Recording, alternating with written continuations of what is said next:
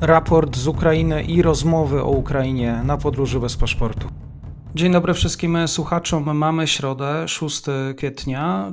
Trwa 42 dzień rosyjskiej inwazji na Ukrainę. Tradycyjnie informacje przedstawi Michał Marek. Dzień dobry. Dzień dobry, witam serdecznie. W nocy 6 kwietnia strona rosyjska przeprowadziła tak jak w dniach wcześniejszych, ataki rakietowe, tym razem nie tylko na wschodzie kraju, ale również na zachodzie. Między innymi w obwodzie tarnopolskim, gdzie uszkodzono zbiorniki z amoniakiem, co wpłynęło na zatrucie wody. Rakiety spadły również w obwodzie lwowskim, y, miejscowości Radziechów. Ostrzelano również y, miasto Nowomoskowsk y, w obwodzie dniepropietrowskim, no to już jest centrum, centralny wschód kraju. W obwodzie dniepropetrowskim zniszczono m.in. bazę paliw, oraz e, zakład przemysłowy. No jest to pewnego rodzaju kontynuacja działań służących ograniczeniu zdolności armii ukraińskiej poprzez niszczenie infrastruktury związanej z paliwami. E, strona rosyjska wyraźnie nadal e, przygotowuje się do uderzenia ze wschodu. I tu strona ukraińska zwraca uwagę na koncentrację rosyjskiego sprzętu w okolicy Charkowa, na wschód i na północ od miasta. Prawdopodobnym jest, iż rosyjski sprzęt, który pojawia się na Białorusi, nie pozostaje tam, e, jest tam przegrupowywany lub bezpośrednio już ponownie e, zostaje przesunięty w stronę e, rosyjskiego Białgorodu i to można interpretować jako formę odwracania uwagi Ukraińców, no, działania o charakterze tak zwanej maskirowki. Możliwym jest, iż uderzenie ze wschodu skoncentruje się na ataku wyprowadzonym z okolic Iziumu na południe oraz Białgorodu na południe, tak by otoczyć Charków oraz dążyć do otoczenia ukraińskich sił na Donbasie, czyli z północy wyprowadzone właśnie na północnego wschodu na południe klinem aby odciąć właśnie zgromadzone na Donbasie siły mm, ukraińskie. Jeśli chodzi o bieżącą sytuację na froncie, y, siły rosyjskie cały czas prowadzą działania ofensywne na kierunku wschodnim. Intensywne walki trwają w okolicach miasta Izium, Rubiżne, Popasna. Y, tam Rosjanie prowadzą również intensywny ostrzał artyleryjski ukraińskich miejscowości.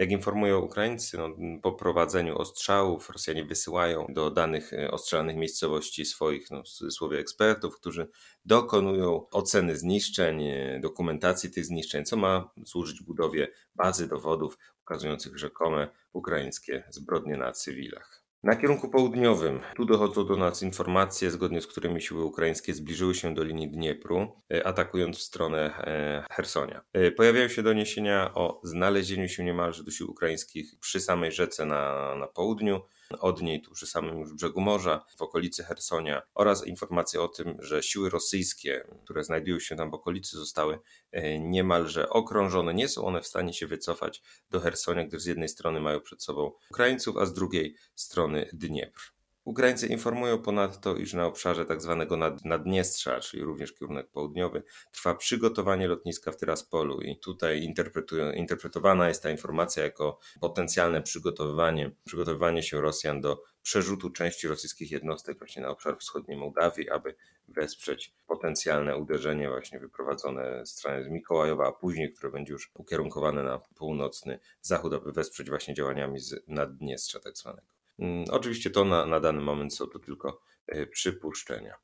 Mm, na północy strona ukraińska nadal przejmuje kontrolę nad obszarami, z których wypchnięte zostały oddziały rosyjskie. Dochodzą do nas informacje o tragicznych losach ludności cywilnej miasta e, Borodianka. Spływają informacje o historiach e, cywili podobnych do tych, które miały miejsce w Buczy. Rosjanie nadal są wypychani ponadto z obwodu sumskiego. W sieci pojawiły się m.in. nagrania z tego obwodu ukazujące porzucone przez Rosjan ciała swoich żołnierzy, e, którzy polegli w efekcie e, walk. W ramach korekty chciałbym z kolei sprostować wczorajsze doniesienie o poddaniu się 250-osobowej grupy ukraińskich żołnierzy w Mariupolu. No, nagrania, które miały potwierdzać te doniesienia, najprawdopodobniej są rosyjskim fejkiem. Sytuacja w mieście jest tragiczna. Walki nadal trwają, jednakże informacje o poddaniu się grupy tej, tej grupy ukraińskich żołnierzy najprawdopodobniej są przekazem nieprawdziwym. Nadal podejmowane są z kolei próby ewakuacji ludności miasta.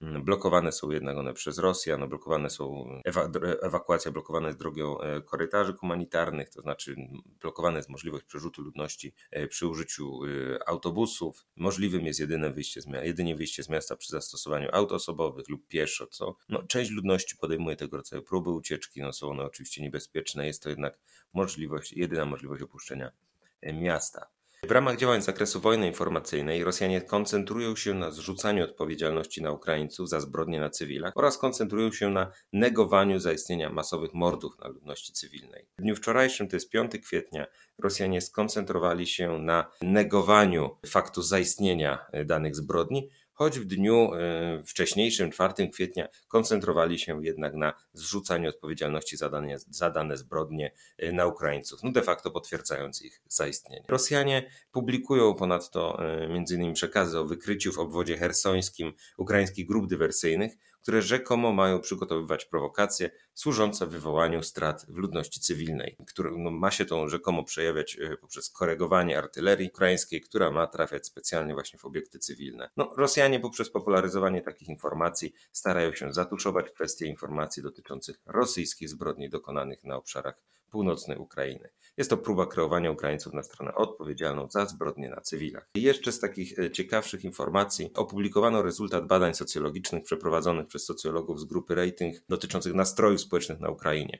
I tutaj 91% respondentów opowiada, odpowiada się, opowiada się obecnie za wstąpieniem Ukrainy do Unii Europejskiej. Poparcie dla integracji z NATO popiera z kolei 68% respondentów, a 95% respondentów jest przy tym pewna, iż Ukrainie uda się odbić atak Rosjan. I to rekordowy wynik, odkąd zaczęła się pełnowymiarowa ofensywa, pełnoskalowa ofensywa rosyjska. Więc tutaj mm, raczej nie ma, nie ma informacji, które wskazywałyby na to, że morale ukraińskiego społeczeństwa spada, czy też jest na poziomie niskim. Strona ukraińska stawia silny opór na wschodzie, tu sytuacja pozostaje trudna. Na y, południowym zachodzie nadal inicjatywę przejawiają Ukraińcy, na północnym wschodzie sytuacja stabilna. Y, nadal y, siły zbrojne Ukrainy oczekują na rosyjską ofensywę, która może zostać przeprowadzona jeszcze w tym tygodniu. Podsumowanie o poranku, codzienne podsumowanie. Michał Marek, bardzo dziękuję. Dziękuję bardzo.